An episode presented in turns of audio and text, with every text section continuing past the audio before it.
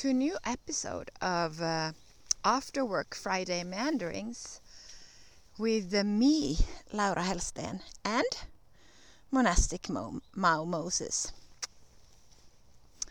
Today, uh, and this episode, is going to be a little bit of a deeper dive into this whole process uh, that I have just gone through.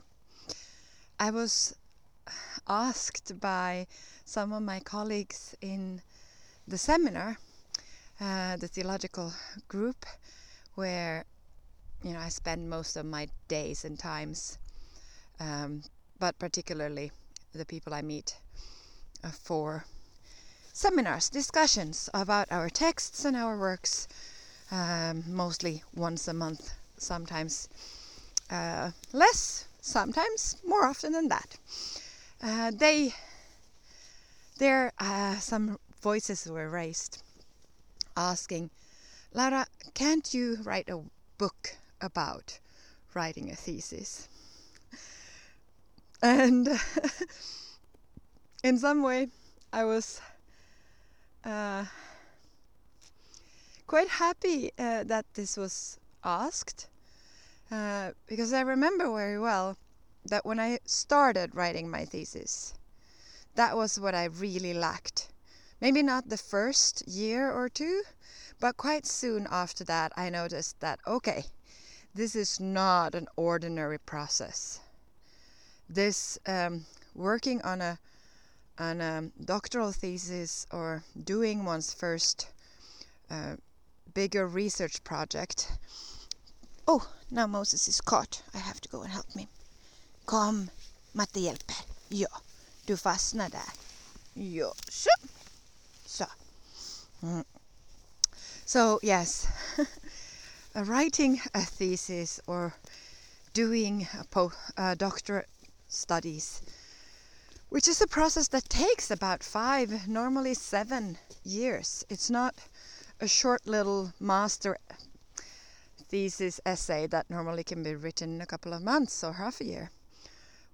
Normally, though, with all the material and, and reading, it takes a year. But anyway, uh, doctoral theses are a bigger process. And I remember that there were lots of things I wished that somebody would have written down in a handbook for me when I started. So, in this sense, I really understand the request by my fellow travelers who still aren't at the end uh, that couldn't, you know, couldn't I write that handbook for them? Um, and then my answer was that, well, partly, too bad I didn't do it while I was traveling. That's what I kind of should have done with quotation, quotation marks. For now, now once I've reached the end goal, I already passed it. So I already forgot some of those steps and uh, ups and downs. And, you know, once I came through them, now they might not seem that complicated and hard and, well, hard is maybe wrong word, but, but they, they don't, they're not overwhelming anymore. So partly I've forgotten what was overwhelming. So then I said that as I see it right now, the only option I have is to now work for 20 years, uh, or at least 10, with helping other people through this same process. Because then I would again have enough material, enough experiences, enough of, of substance to uh, how there might be a pattern to this process uh, out of which I could then speak to a larger, larger audience. There's like two paths either the subjective, completely immersed in my experience, or the more generalized, which comes from a gathered wisdom. Um, however, after saying all of that, um, I realized that, well, maybe there still are things that I could share. And maybe there is um, a place uh, for me in sharing, even though you know I'm in between of these two options that I would see that like the best options from out of which to talk about this. And I'm saying this uh, partly also due to the fact that I actually wrote uh, a longer letter this morning to some of my other colleagues that have been part, part of this process with me. Um, in the last episode in Swedish, I spoke about rituals and the importance of this ritual. Uh, and now, what I see is that, at, yes, it is as if I have stepped into a new landscape. And it's not even a new landscape, it's actually a new room altogether, a new space. Um, and this space uh, that, that was open to me after um, finishing the doctoral dissertation process, but also particularly the, the defense situation itself. It's as if I was opened now the doors to this vast, vast hall, uh, which is just the, entrance of a palace I didn't even know existed. There's like these rooms. Uh, the palace is full of different rooms and different places and spaces that I can now roam freely in. And another way to conceptualize it is from um, Astrid Lindgren's one of her children's books. She speaks about uh, there's a letter or kind of a story told uh, to one of the little boys. Uh, Bröderna Lejonhjärta is the Swedish name of it, uh, where he says there's this place, this other world, Nangiala, where still there is a time of fireplaces and storytelling. And that's exactly the feeling, the experience, the sensation that best describes the space I have entered into. Now I'm in the space where the world is different. The, the meaning and the format and the, uh, the place where I now live, everything is about storytelling. Everything is about uh, sitting at the fireplaces and listening to the new things that want to emerge or appear. While the process of getting to this place where there's lots of other people doing this same thing, um, that is the process of passing from before a doctorate to after a doctorate. It's to learn how to move between this so called physical reality, uh, the world that we live in, and this other place where actually, in some sense, the world is more real. Uh, it is the, the space of fairy tales, place of stories, the world um, of being a teller of stories. But it is also, uh, I would presume, if we would, if I imagine myself to be in the natural sciences in, instead. Ja, Moses. Ja, vad skulle du vilja säga? Hmm? Ja. It is a way of, it is a space where one's senses and one's thinking and one's imagination has shifted from focusing on um, now imagine the natural sciences on this this world the matter here itself into realizing that there's things in between. There's like beyond or or around what has been researched there's all these spaces and places of the unknown of the unexplored. And after going through that process of of learning to deal with the matter, with the the the created world as it is on this first level, then one gets to come to that place where one can um, do more than just that.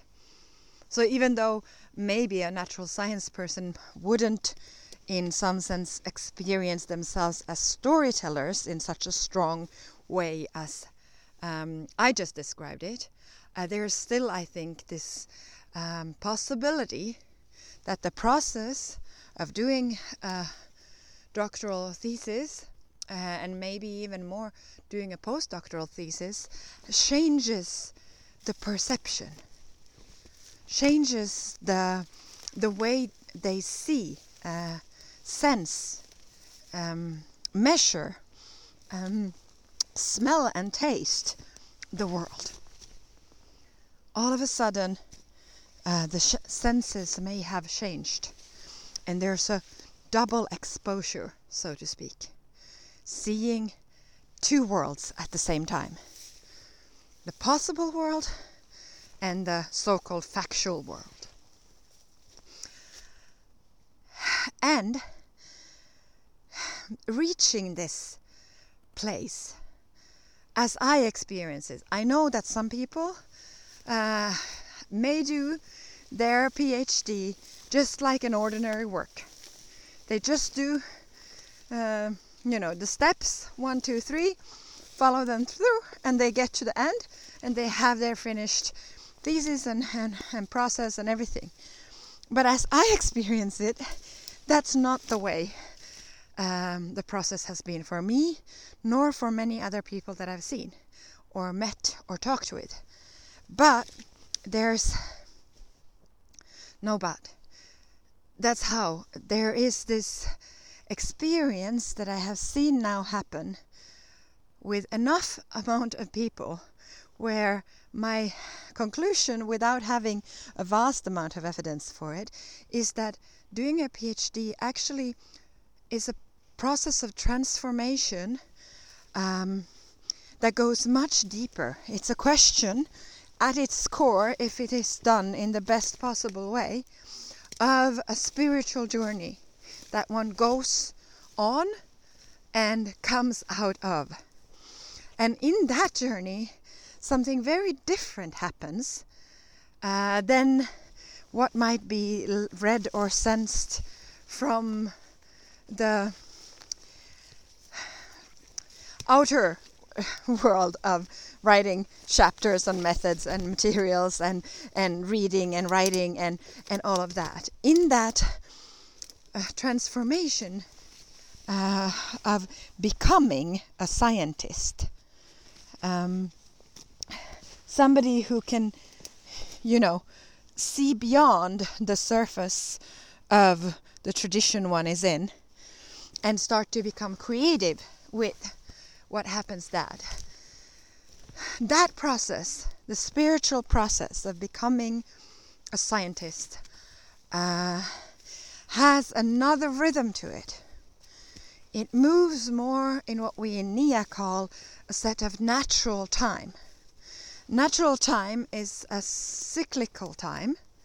Uh, it is a time that is not measured strictly mathematically like the the normal um, time frame that we use in Western Europe, which is like years and calculated into months and days and hours and minutes and so forth.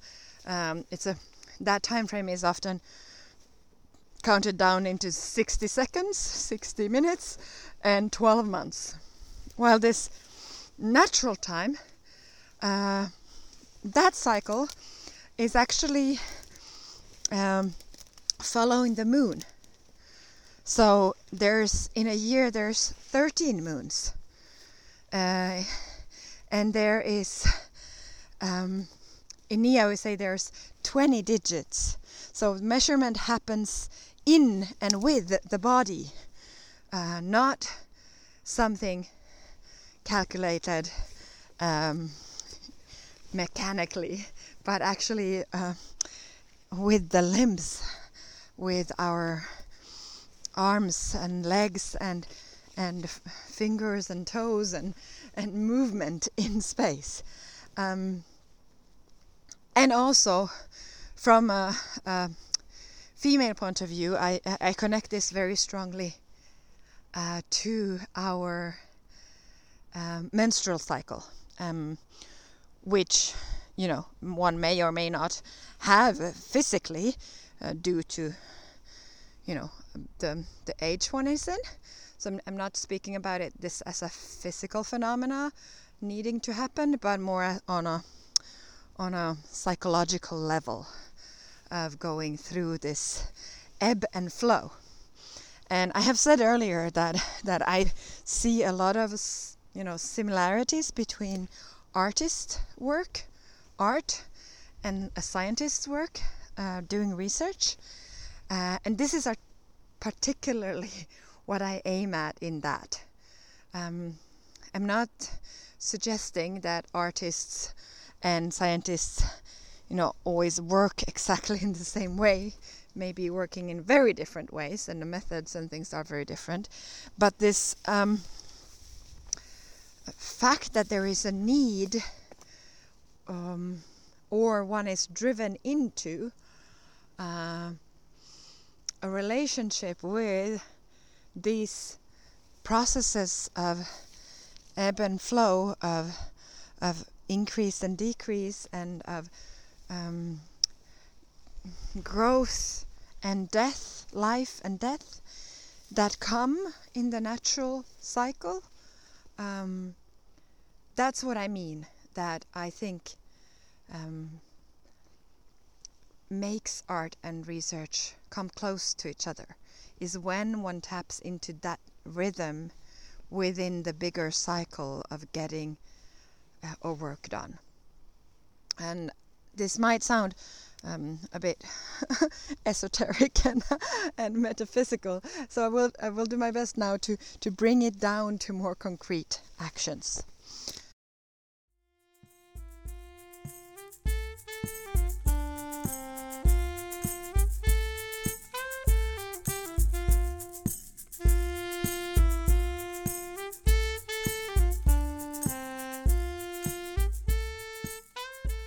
So, for example, uh, Clarissa Pinkola Estes has a very fabulous um, talk about the creative process where she likens the process to growing a seed.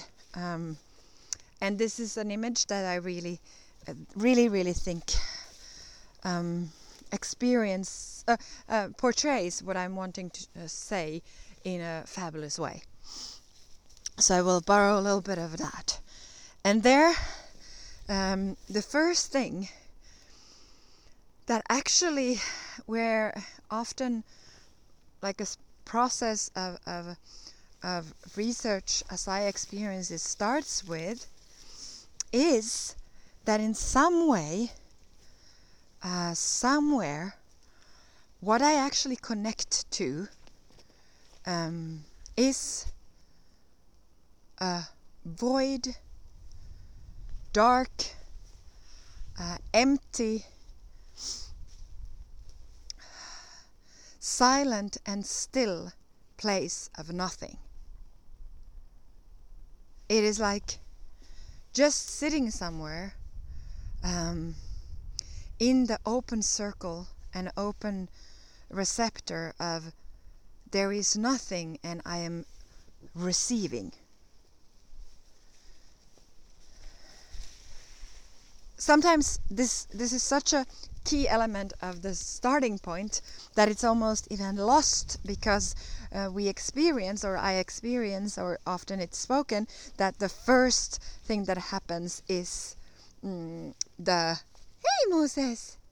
Yeah! is the seedling or the idea uh, arising. But actually my experience and sensation now, after going through this process, is that it doesn't start with the first idea or inspiration or thought or or uh, sense of of like longing or uh, connection or something. It starts in that space of void, of emptiness, of nothing. It really is. Um, only holding of space uh, or embracing that there is nothing.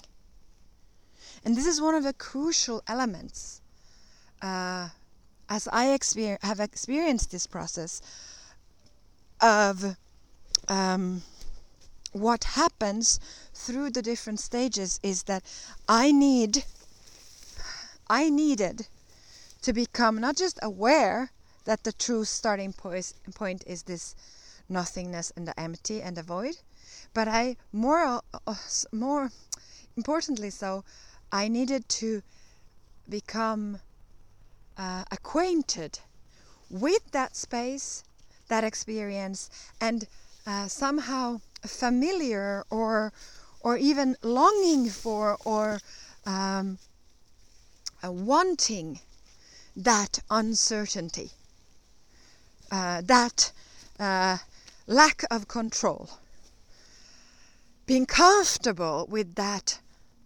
unknowing. And this is one of the things that the process itself of doing research has taught me during these seven years that the best place to be in is actually not the idea, the inspiration, the uh, you know, now I have it, or now I got it, or now I know. It's the space before that which is crucially elemental for me to find something of importance.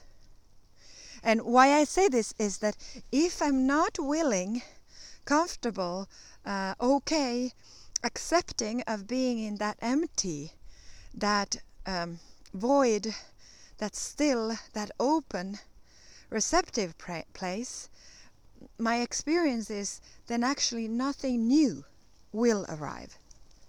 What I will be doing is instead to just copy and uh, reproduce what others have already thought or um, written or seen.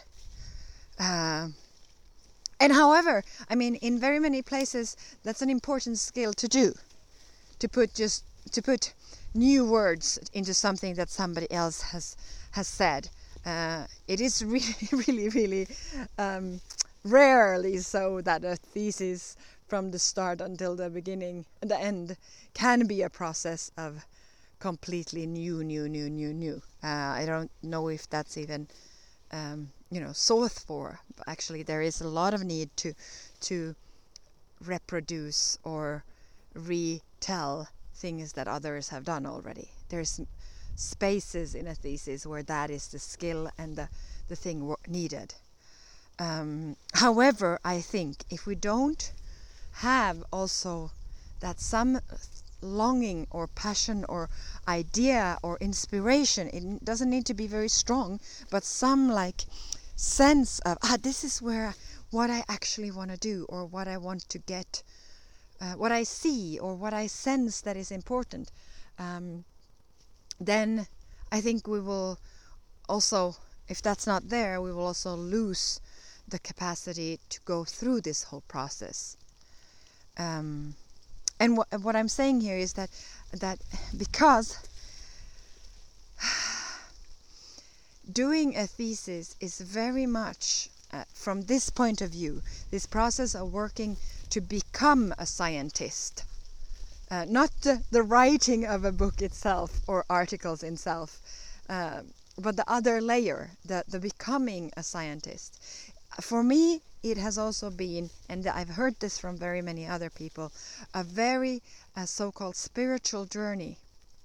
It's a psychologically tough uh, process of needing to let go of earlier structures of survival and, and accomplishment and, and working in the world, um, getting stuff done, experiencing um, structures that support and encourage and and and thank you and and and um, help one uh, go forward uh, in very many ways. Either those structures, due to the very solitary work that that doing research often still is, or then due to the uh, hardships that are um, coming along the way in research, those are scaled off. That like outer layer of me as a person needs to fall off, uh, to die away, um, to be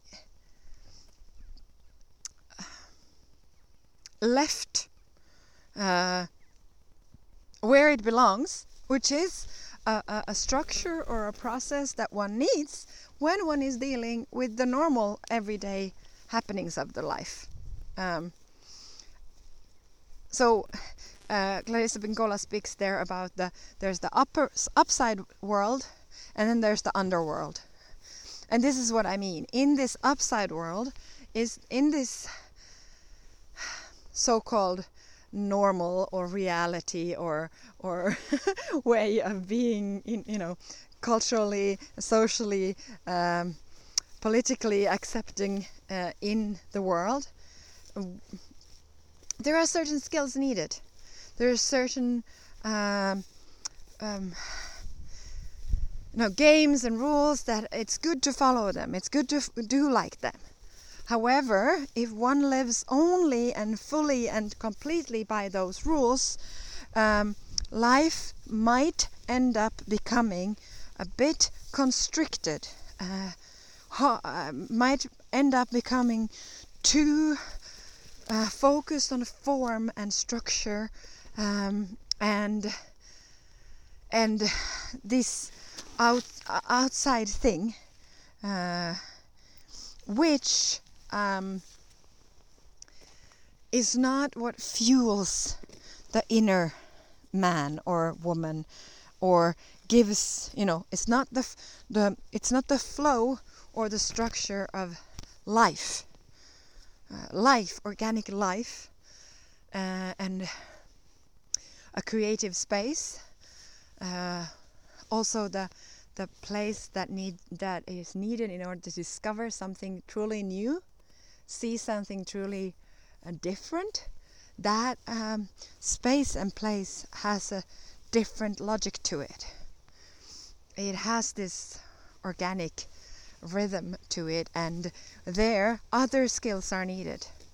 There we need to be uh, vulnerable, we need to be truly open, in a way, become uh, porous like have the capacity that the things we read or see or uh, experience touch us, uh, influence us, um, move us, um, that um, that they make imprint on us, um, mold us, and those things these kind of things um, is not what I have experienced that the outer world, you know, encourages us, or even, I mean, to be a very moldable person, a, a porous person, um, a person who is easily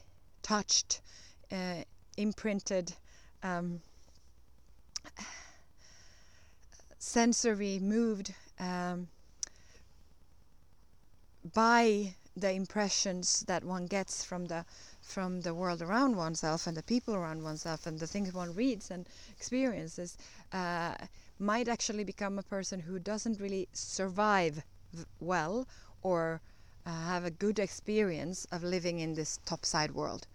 Um, that that world kind of re requires uh, a tougher skin as it looks today while I am arguing and now explaining or wanting to explain is that my experience of doing research, of becoming a scientist, um, is a process uh, that for me in this sense resembles the artistic process very much um,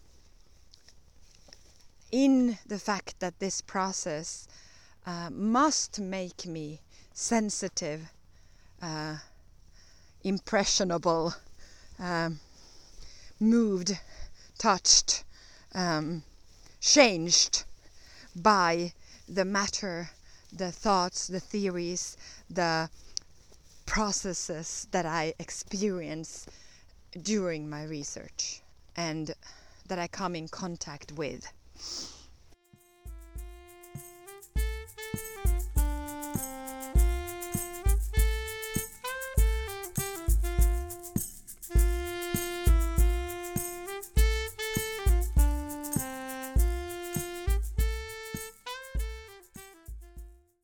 This is why the process of becoming a researcher, as I see it, and I, what I hear with others too, is actually a very, sometimes a very um, hurting thing, or a very, like, there's, a, it goes to the to the um, the border of breakdown, of breaking down, uh, as there is a need to take that outer shell, that outer protection, that outer structure that's culturally taught and learnt away and bring forth that soft, fleshy part of the body, of the, the person, of one's being in the world.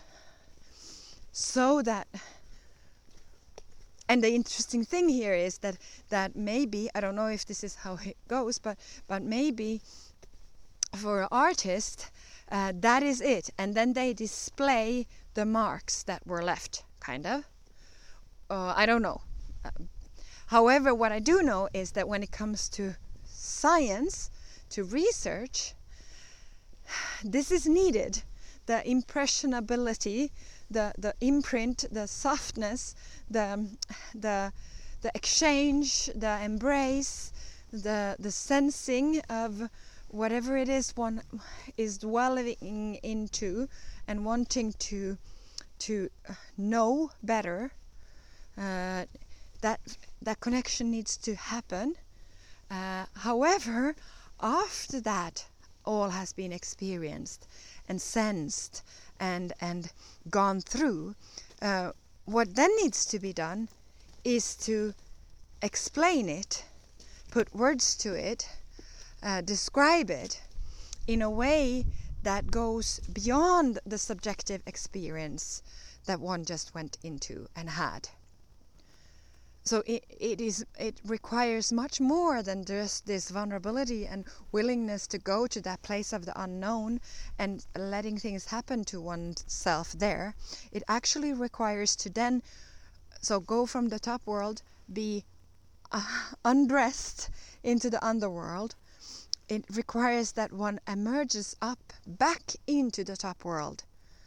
Um, and then uh, has a sense of, of knowing what it is that happened in that underworld experience, in that dark place, that muddy place, that place space of, of also discomfort, and then being able to clad, uh, to describe, to put words, um, share images, or or some way explain uh, with a shared language, shared experience, with with a with something that goes beyond the subjective uh, event into describing all of that from a vantage point and, and in a world and in a way that other people can recognize it for themselves without ever having maybe even had to go there. So the, the, the process of, of becoming a scientist, as I see it, to becoming a researcher really is to learn to negotiate both the topside world and this uh, the rules and structures and regulations of the underside.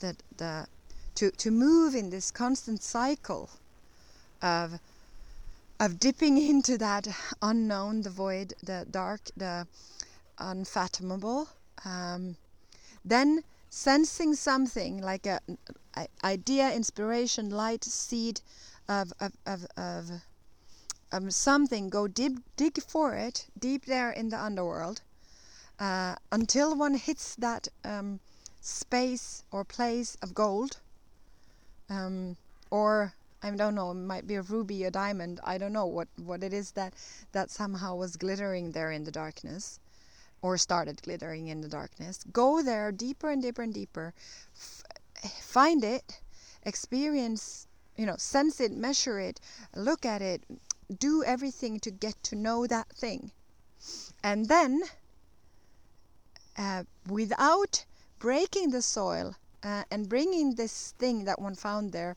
up to the top bottom no the top side of the world uh, but because if that let me explain so if one would do that if i would just take that gold or the diamond and bring it up to the top side of the world uh, what i presume could happen and i think this is something that people actually do a lot is they bring it up and then when they want to show it to somebody what happens is that it actually disappears.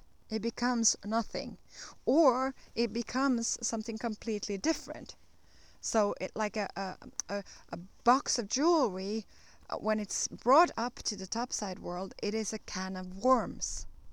And everybody who sees it and looks at it goes like oh disgusting. Uh, that's not something we want to have here. So something that one has been working with and, and processing and and if one takes that up to that upside world in this un um, in this pure form so to speak or in this uh, somehow mm, direct influence of that world. It will not be recognized. It will not be seen. It will not be understood. Uh, and it will transform into uh, dead matter. So then one needs to kind of go back again deep into that dark pit uh, and dig again and find again and now uh, get to know that thing deeply and intimately. And then what needs to be done uh, it's to receive the whole totality of that um, that insight experience um, sensation s- uh, vision um, knowing knowing really like in the the deepest sense of knowing uh, is to to love something to so get so close to it get so intimate all the details of it and then, when one emerges back from there, and this is a place where I at least experience, once I get there, I really don't really want to go away from there. Life is much better there. but so this is a place where one can get stranded. One can get stranded on what I explained earlier on the disappointment of when one brings that up, it's not recognized, it's not seen. Uh, and then one thinks that that it was just an illusion maybe, uh, or somehow, you know, uh, maybe wasn't there at all, or um, maybe, you know, I'm not the one who's supposed to bring it up, or, or I mean, there's various ways in that process where one can, you know, um, start mistrusting uh, the, the the mission and the, the task that one has. Uh, uh, while the other thing is that one can get caught to also is to just want to stay down there. Stay in the underworld, in that place where everything is so rich and pure and and the senses are so much stronger and the experience is so much more tangible and real and um, um, the possibilities are so endless and there is like true uh, transformation uh, love uh, beauty, uh, justice. Like everything is so clear in the mud down there in the darkness. Um, but instead, uh, what actually what needs to happen in order to become a scientist, and I'm not saying that everybody has to be that, is that I go back to the topside world and then I sit down and I give my best ever description of what I saw and experienced and sensed and smelt and had um, in front of me in my intimate relationship with what was in the underside world. And then a piece of like research has actually appeared. Then uh, a sentence or a chapter or a, a starting point of a scientific um, accomplishment uh, is taking form. When I am able to express that knowingly that I will never touch the deepest, purest form of what I was just, what I have experienced, but I will want to share it on a level that other people can share, see, experience a similar or something of that which was there. This may happen once. Um, and then, you know, in order to make a whole thesis, doctoral thesis, that needs to be done over and over and over again. Each part of the, you know, findings, uh, conclusions, uh, process has to have that circle in it, as I see it.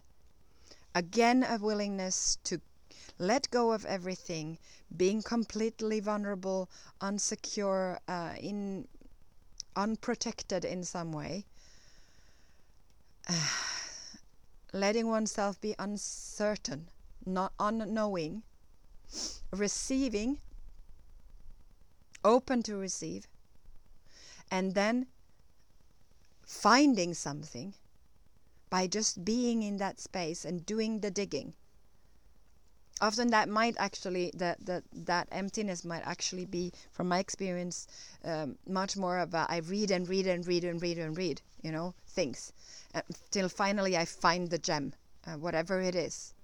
And then it, the process needs to change into polishing the gem. S there too there there are nuances. One can actually dig more and more and more think that it's going to come a bigger or better or more a fundamental gem instead of once the gem gets there in front of you start polishing it and you know start getting to know it um, and then you know spend enough time with it until it's time to resurface. And then there's another way another kind of uncertainty unknowing uh, as you know one needs to know how inside of this topside world do i communicate these things? How can i express them uh, so that they are actually on the level of shared reality. And then again, in that, um, there might be a very, very, uh, you know, humiliating process uh, where somebody says, "Oh, but no, that's not the way that you can, you know, express this or share this. It needs to be done in this or that format. Um, so then one needs to there too take the criticism, uh, take the the ununderstanding, and polish on those tools. Uh, okay, so if that didn't mm, do it, they didn't get what I had seen, or didn't understand what I have found. I need to learn to negotiate that language of the of the of that shared community uh, which is it has its certain rules and structures and format. And and I think maybe that's the difference between artists that they there might be more room there to just um, leave it you know unpolished. But for a scientist uh, for scientists it really needs to be they're recreated into a new format so that it can be shared and and discussed amongst peers um, in a very strict setting and manner and and and form. Uh, it needs to be transmitted clearly, uh, clearly according to very certain rules. And then, you know, uh, once that is done, going back again into the deep for the next session. And to go through this over and over and over is the PhD process as I experience it. And then, when a, a, a, a critical mass of text, of, of shared uh, stories like these have been created, then it is to know that, okay, there is much more in the underworld there of digging that could be done, of gems that could be found, of pearls to, you know, bring up. However, now uh, th- this is enough. This is it. These are the things. I have been doing this work so many times going down there that I know how vast and fantastic that world is, all the things that could be found from there. However, the process is to learn to say no, to learn to stop, and then uh, make all those stories that have been found uh, hold together in some way stitch them together into one piece that will, on some level, never represent fully. However, it may give glimpse to, light of what has been experienced, what has been seen, envisioned, understood, known. And then that is to finalize the thesis. It is to take those pieces and make them hold together as a string of pearls, one following another. And there too, there is another, uh, uh, its own layer possible uh, of getting to do that in a, in a, you know, in a way with finery into the details. And then what happens in the defense situation? is that somebody has actually read all of that. And they have entered into that world and they see those things that you also saw. But maybe they also saw other things that you didn't see. Or they maybe, you know, from that wanted to dig deeper into some other aspects, into some other things that you have also seen. And then you can have a dialogue about those things that were seen but you didn't bring up into this pearl strand. Or you can have dialogues of, of what would have happened if you would have put them in a different order. Uh, and you, what is discussed is actually this transmission from the receiving, the transmission uh, of of how it's put together. What it's it, we're never able in some way, in some sense, to go and be in that deeper level and share that fully and this is what one as I understand it and in my experience is, this is what a, a, a fully fledged, uh, you know, in the end of the thesis process, this is where a scientist has become, um, is a person who's aware that what is actually happening is that outer world uh, negotiation and experience and description, and there to talk and share and discuss uh, while this deeper level is just carrying one in this process.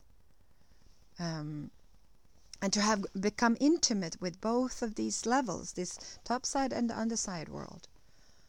Uh, and um, and now being able to do this more comfortably, uh, more on a, um, a conscious level, maybe faster, I don't know, uh, but at least with more, you know, uh, once this process has gone through from the beginning to the end, so now it's all in my body. It's a, it's a, it's not just, you know, information, but it is deeply sensed knowledge, and then one can start doing that over and over again until it actually is transformed to even deeper than knowing. Not just a bodily experience, a spiritual, emotional experience, but actually uh, to to get into the nuances of, of these details. That's what I mean when once I have done this process myself several times and followed others in that process, then I might actually share some wisdom about uh, this whole thing. Now I'm I'm I'm still in some sense in the knowing. I have become a person who knows, uh, who has walked this process through from the beginning to the end.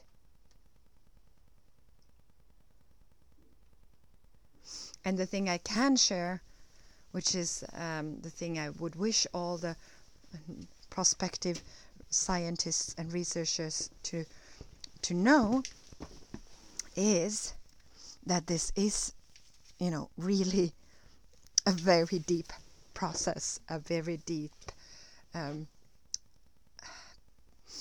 transformational pra practice that changes us forever.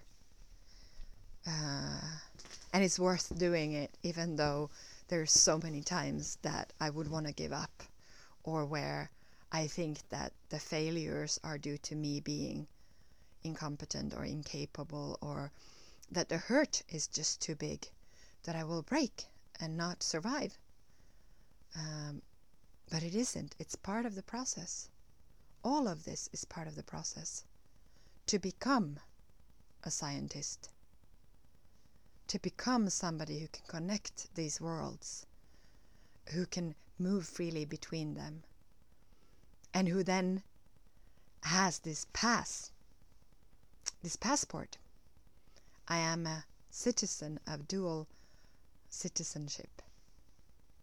I have the right to move in the underside world and in the topside world, and I even have the free right to move between them. I know how to transport transportate transport myself between these paths um, and bring things up, the gem, gems from the underworld.